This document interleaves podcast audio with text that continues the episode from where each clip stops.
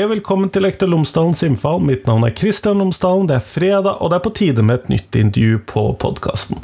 Denne gangen så snakker jeg med Nina Sølberg om det som var hennes doktorgradsprosjekt som handler om seksuell trakassering mot elever i videregående skole, mer spesifikt mot de elevene i toppidrettslinjene og breddeidretts... Altså disse, men samtidig det sammenlignes med tallene for de ordinære videregående studiespesialiserende elevene. Sånn at dette er nok nyttig for alle. Altså hvor i hvilken grad opplever elever seksuell trakassering eller verre? Dette er jo da alt fra verbal trakassering til oppimot voldtekt, så det er ganske stor spennvidde her. Hvem er det de opplever dette fra? Hvilke sammenhenger opplever de det? Er lærere med, trenere? Er det bare medelever? Dette snakker jeg med Nina Sølberg om, så det håper jeg at du setter pris på. Det er i hvert fall en veldig interessant episode, og det er et tema som ikke har noen enkle løsninger, og det er kanskje det som gjør dette ekstra vanskelig, tenker jeg. Men i hvert fall, podkasten er sponset av Fagbokforlaget, og hvis du går inn på fagbokforlaget.no, så finner du bøker og digitale læremidler for hele utdanningsløpet, fra barnehage til høyere utdanning og profesjonsstudier, samt for norsk for minoritetsspråklige. Og de kommer ut stadig vekk med nye bøker og læremidler, så det finner du på fagbokforlaget.no. Og en av de viktigste spørsmålene om dagen er jo hvordan du skal forholde deg til kunstig intelligens i klasserommet. Og hvis du kjenner til den første utgaven av læremidler og arbeidsformer i den digitale skolen, så kan du nå få vite, eller kan du uansett, det har nå kommet en ny utgave av denne boken, betydelig revidert, og den gir et forskningsmessig grunnlag for hvordan du som lærer kan variere arbeidsformen for å oppnå bedre læring i det digitale klasserommet. I tillegg, den har et nyskrevet kapittel om kunstig intelligens, dette finner du på fagbokflagget.no. Men nå skal du få Nina Sølberg, vær så god!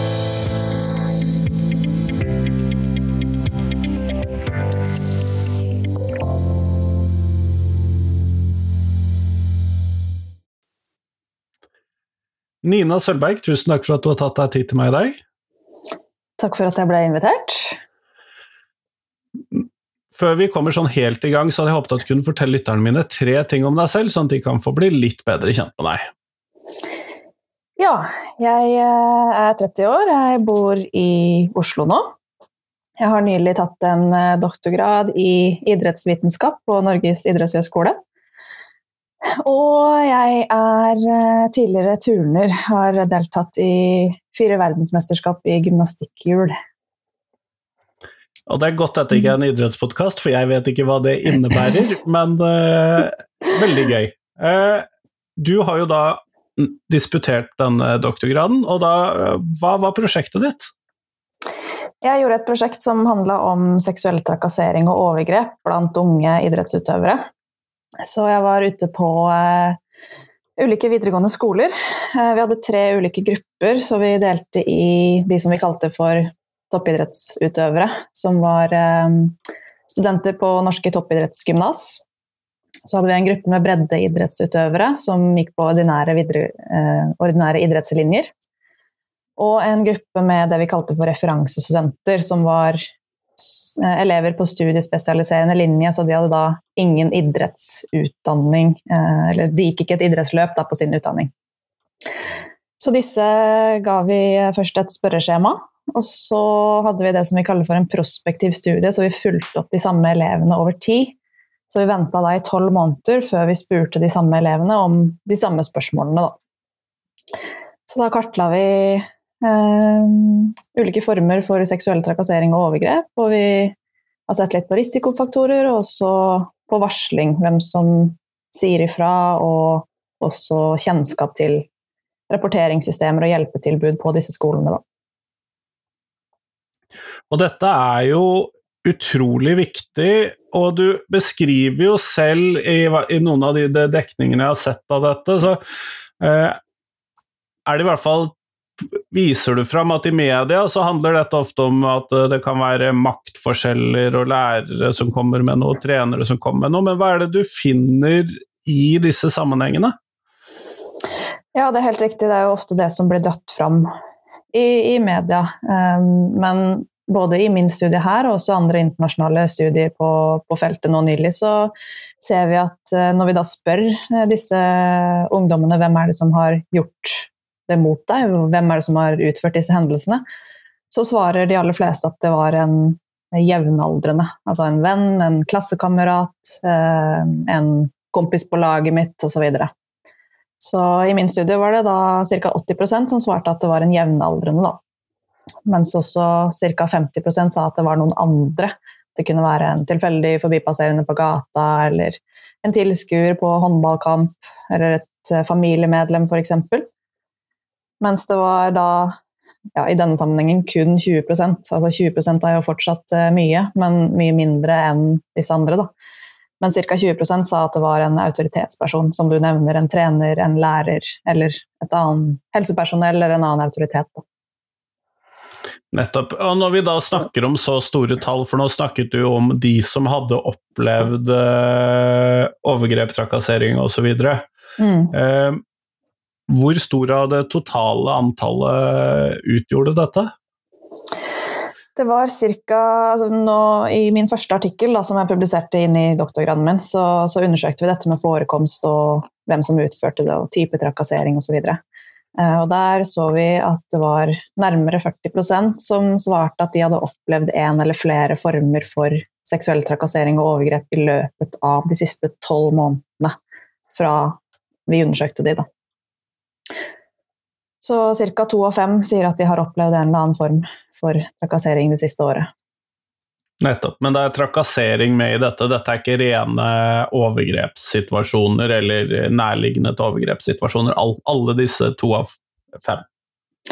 Eh, ja, Det var godt at du spør om det, for vi har kartlagt eh, altså det vi kaller for hele spekteret. Alt fra seksuelle kommentarer til eh, blikk eh, og opp til det du nevner med det man ofte tenker på da, som mer alvorlige former for trakassering og overgrep, som fysisk berøring, voldtekt osv. Men i den sammenhengen tenker jeg også det er veldig viktig å si at seksuell trakassering er en subjektiv opplevelse. Så i utgangspunktet spiller det ikke noen rolle hva intensjonen til en gjerningsperson er, så lenge offeret opplever det som ubehagelig. Så det er, det er hva du subjektivt selv føler, da. Uh, disse tallene de høres jo ganske kjente ut i forhold til hva vi får vite fra disse store sånn vold, ung vold-undersøkelsene osv. Eh, det tyder jo på at eh, du er inne på noe, da. dessverre. Ja, dessverre. Absolutt. Um, men de fleste da utsettes for disse trakasseringene, overgrepene osv. fra jevnaldrende. Mm. Eh, og som lærer på en eh, idrettsvideregående eh, skole, så må jeg jo innrømme det at det er jo deprimerende i seg selv, men jeg er jo veldig glad for at det primært sett er de medaldrende og ikke trenere, lærere og den type ting. Da. Det må jeg jo innrømme som lærer selv, at eh, det er i hvert fall ikke mine kolleger, stort sett. Ja, det, det, er absolutt en måte å, å se det på. Eh, samtidig så, så, ser man også i andre internasjonale studier som jeg har lest, at også alvorlighetsgraden For det har vi ikke kartlagt i min studie, som, som, man kan se på som en svakhet med min studie. Da, at vi har, ikke, eh, vi har ikke spesifikt gått inn på alvorlighetsgrad. Vi har skilt mellom verbale typer og ikke-verbale typer og fysiske typer av trakassering. Så det er jo én form for å skille dette på alvorlighetsgrad. men Um, men allikevel så har vi ikke sett noe dypere inn på det.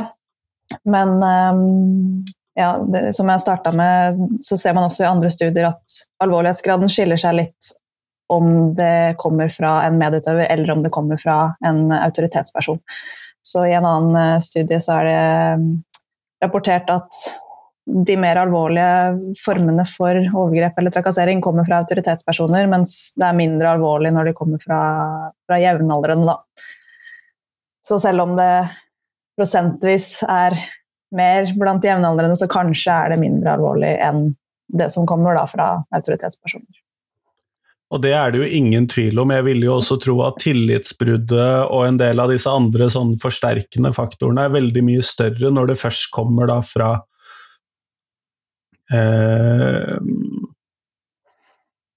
når det da kommer fra en autoritetsperson på den måten, at det gjør det i seg selv forsterker problemstillingen. Ja, det, det, er jeg helt enig i. Men var det noe skille mellom om disse eh, som du undersøkte, om de gikk på ordinær videregående skole, eller om de gikk på eh, idrettsgymnas? Var, var, det noen skiller her mellom disse ulike skoleslagene?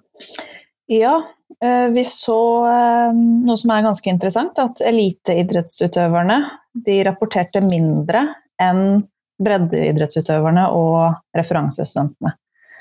Og det er eh, interessant fordi vi i tidligere litteratur har sett at eliteutøverne de dras fram som en egen risikogruppe i, for å oppleve seksuell trakassering i idrett. Da. Så vi fant på en måte det motsatte.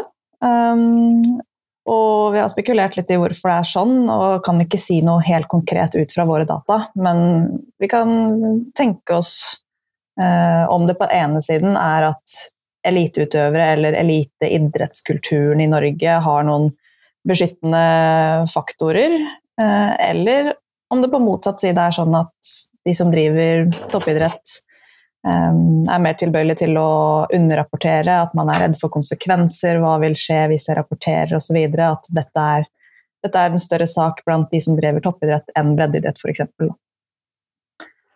Så det er noen spekuleringer og tanker vi har gjort oss uten at vi kan eh, si noe sikkert ut fra mitt materiale, da. Kan det ha en sammenheng med festkultur i den ordinære studiespesialiserende eh, klassen? Altså at det, det, henger sammen med hvordan de sosiale forventningene som er der, og at det skaper større rom for disse kompistrakasseringene? Eh, ja, jeg tror du har et poeng der. Um, og når det gjelder disse topputøverne, så bruker jo de mindre tid i nettopp uh, de foraene, som du sier, med fritidssammenhenger og uh, festkultur, da, enn disse andre. Um, så det, det, er et veldig godt poeng. Uh, og i tillegg så, så, undersøkte vi i hvilken sosial sammenheng dette skjedde. Om det var på skolen, eller om det var i en idrettssammenheng utafor skolen, eller om det var på fritiden. Og da svarer de fleste at eh, det eh, skjedde på en fritidsarena. Så det underbygger jo også det du sier med at uh, kanskje er det litt festkultur og, og sånt i bildet her. Og det er jo Det avdekker jo ikke noe nytt i så måte, men det underbygger jo at det er en problemstilling med hvordan vi oppdrar tenåringene våre, og hva vi legger til rette for, og kanskje også hvilken seksualitetsundervisning vi har i skolene generelt, og altså ikke direkte knyttet til da disse idrettsungdommene som er hovedfokuset ditt. Mm. Ja, absolutt. Um, det er jo selvfølgelig en av mine hjertebarn da, å snakke om forsterket seksualitetsundervisning, sånn at det er lett for meg å gripe til den kjepphesten når du da eh, viser fram disse resultatene. Så er det en kjepphest som er lett for meg å drive og ri rundt på. Ikke sant. Ja, ja, men det er veldig fint. Eh, men fint og fint. Jeg pleier å være litt som motstander at andre skal ri rundt på sine kjepphester på mine saker, men, eh, så vi kan diskutere det. Men ja. Hvilke risikofaktorer hva er det som eh, øker sjansen for at man eh, eh, står i fare for å bli møtt med seksuell trakassering eller overgrep i disse gruppene dine? Mm. Ja, vi, vi, så jo også litt på risikofaktorer i min andre artikkel. Da, da valgte vi spesifikt fordi vi også har spurt om mental helse, eller vi hadde fem ulike mål, instrumenter, på mental helse inn i spørreskjemaet mitt. Så vi brukte disse fem ulike mentale helsemåla i tillegg til at vi tok med de demografiske variablene eh, kjønn og skoletype. Og så så vi om mm, sammenhenger i disse variablene kunne predikere om de ville mm, oppleve dette her i framtiden.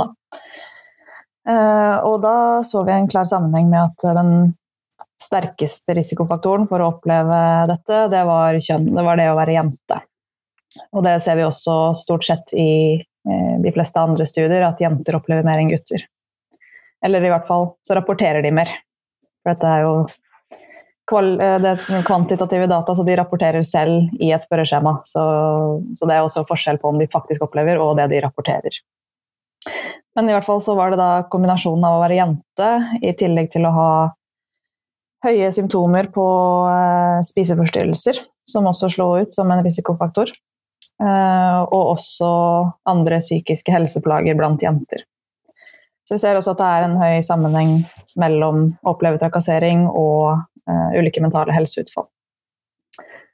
Uh, og I tillegg så er det også andre risikofaktorer som ikke vi har spesifikt undersøkt her, men uh, ofte dras, dras, fram et maskulint miljø og et ja, det man kaller for et hierarkisk forhold med maktforholdet mellom, som vi var inne på, trener, utøver, lærer, elev osv som kan være risikofaktorer. Og I idrett så ser man jo også spesielt um, denne garderobekulturen, eller ha én-til-én-treninger med, med, treneren sin som ikke nødvendigvis er, men som kan være risikofaktorer, hvis man da har en trener som, som utnytter disse situasjonene, da.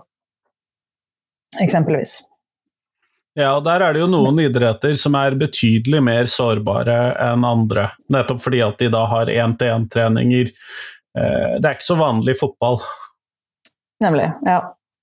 Det er faktisk noe som, eh, som ikke er eh, spesifikt forska på enda, dette med Eller det, det, er, men det er gjort en studie for veldig mange år siden. Men vi har lyst til å gå litt videre på det nå og sjekke, sjekke ut ulike idretter. Da. Sammenligne de. For det fins det veldig lite litteratur på. Nettopp. sånn at Når jeg da sier det at jeg tror det er mindre i de situasjonene i fotball, så vet vi ikke om det stemmer. Vi vet ikke om det stemmer. Um, og der er det kanskje litt interessant å sjekke også ulike typer trakasseringsformer. Fordi som vi var inne på i stad, kanskje kan det være i lagidrett hvor det er da mer jevnaldrende, som vi allerede har vært inne på, at, som faktisk er den største gruppa av gjerningspersoner, hvis vi kan kalle det det. Uh, mens i individuelle idretter kanskje det kan være mer én-til-én-situasjoner. Uh, um, så ja, litt, litt, i forhold til hva slags type trakassering man snakker om også. Ja, og det ville jo ikke overraske meg om det er mer ubehag knyttet til eh, dasking og den typen fysiske trakasseringer innenfor lagidrettene, hvor man da ofte har en litt fysisk kultur osv. Så, videre. så jeg ville jo ikke overraske meg om man finner det, da. Nemlig. Så det, det blir spennende å se om vi får noe data på det etter hvert. Men eh, når du da har sett på dette og jobbet med dette over tid, du har snakket med og sett mye data knyttet til eh, alle disse ungdommene, du har fulgt de opp etter et år, hvilke tanker har du gjort deg for at vi skal kunne sørge for tryggere og bedre elev- og treningstid eh, for alle disse tenåringene som Eh, vi har. Fordi at uh, både de som går i idrett og de som går utenfor, men nå er vi jo kanskje primært sett på de som da driver mye med idrett. Men hvordan skal vi sørge for at disse har det trygt og godt i uh, skolehverdagen og treningshverdagen sin? Ja, det er et veldig godt spørsmål, og veldig praktisk relevant spørsmål også. Um, og, og, så vet jeg at du har jo ikke undersøkt det spesifikt, så jeg ber deg jo om å spekulere. ja, ikke sant. Ja, nei, men det er, veldig, det er, veldig, fint, det, og det er veldig viktig også, for jeg tenker jo det er jo eh, en viktig ting med forskning, at vi faktisk får det ut der det trengs, da.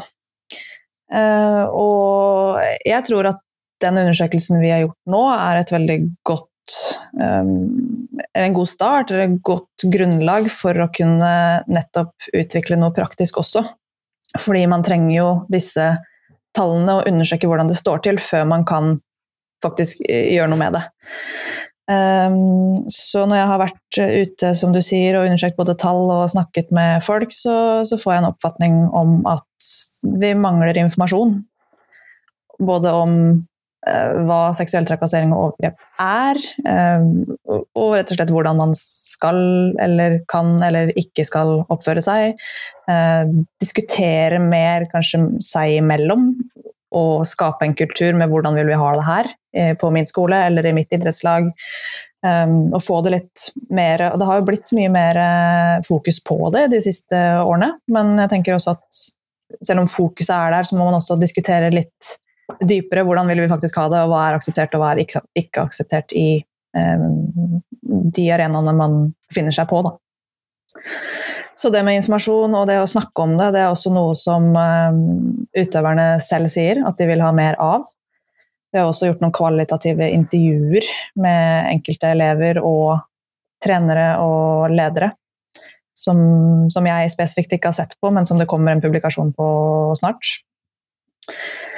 Eh, og I tillegg til det så tenker jeg som jeg var litt inne på, at dette her kan være et godt grunnlag for oss å utarbeide forebyggende tiltak og undervisningsopplegg, da, både for elevene spesifikt, men også for ledere og lærere og trenere. Så, så, får vi se om vi får til det i praksis eh, ganske fort. Det høres jo ut som du ikke kom med hva skal vi kalle noen sånne lette veier for oss å nå målet. Mer undersøkelse, og her må vi faktisk gjøre en ordentlig jobb. Ja, det, sånn er det vel med veldig mange temaer. Men um, ja, det er, det er, sjelden det er en sånn motorvei til målet. Eh, og det er jo i seg sjøl alltid litt deprimerende i dette. Men jeg må spørre en ting til om denne selve undersøkelsen din, som jeg tror kanskje potensielt er mer relevant enn jeg liker. Eh, jeg antar at russetiden ennå ikke hadde startet og ikke var en faktor i de undersøkelsene som du gjorde, ut ifra det tidshorisonten som du har nevnt? Mm. Ja, det er riktig. Vi spurte de første gang når de gikk i andre klasse, så da var de, de, var de 17 år gamle. Og så spurte vi de da ett år senere, når de gikk i tredje klasse, eh, og vi avslutta da undersøkelsen i mars, var det vel? Eh, når de gikk i tredje klasse, så det vil jo si at de var rett før russetida, ja. Så russetiden hadde begynt, og de var litt sånn De hadde begynt med de første treff og den typen ting, ish, men ikke ennå trukket i uniform og ja. kommet seg ut. Riktig. Nå er det vel, har jeg skjønt at russetida starter vel allerede i første klasse, så Eh, det får vi stadig beskrivelser om, jeg er enig i det. Ja. det kan jo i seg sjøl være litt vanskelig. Absolutt. Eh, sånn at, og det er jo noe i seg sjøl å diskutere selve russetiden og hvordan den er og burde være. Men det skal du få slippe å svare på her og nå, i hvert fall. Ja. Nei, men Kjempeflott. Du, vi går mot slutten av intervjuet, og da hadde jeg håpet at du kunne svare på det siste spørsmålet som jeg pleier å stille alle jeg intervjuer for tiden, og det er hvilken lærer har gjort størst inntrykk på deg, og hvorfor det? Ja, det er et spennende spørsmål.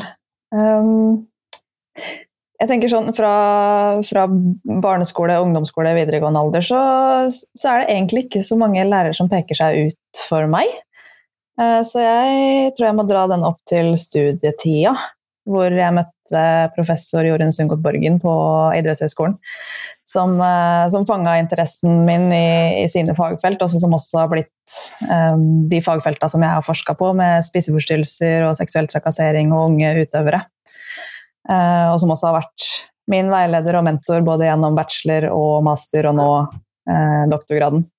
Så, så, det er nok min lærer eh, som har som har hatt uh, størst innvirkning på meg òg. Hun er jo en av de Hun er vel den eneste idrettsrelaterte uh, læreren som jeg faktisk vet om. ja, ikke sant? Ja, men der, det underbygger jo det bra, da. Det gjør jo det. Nei, men Kjempeflott. Mm. Tusen takk for at du tok deg tid til meg i dag. Jo, selv takk.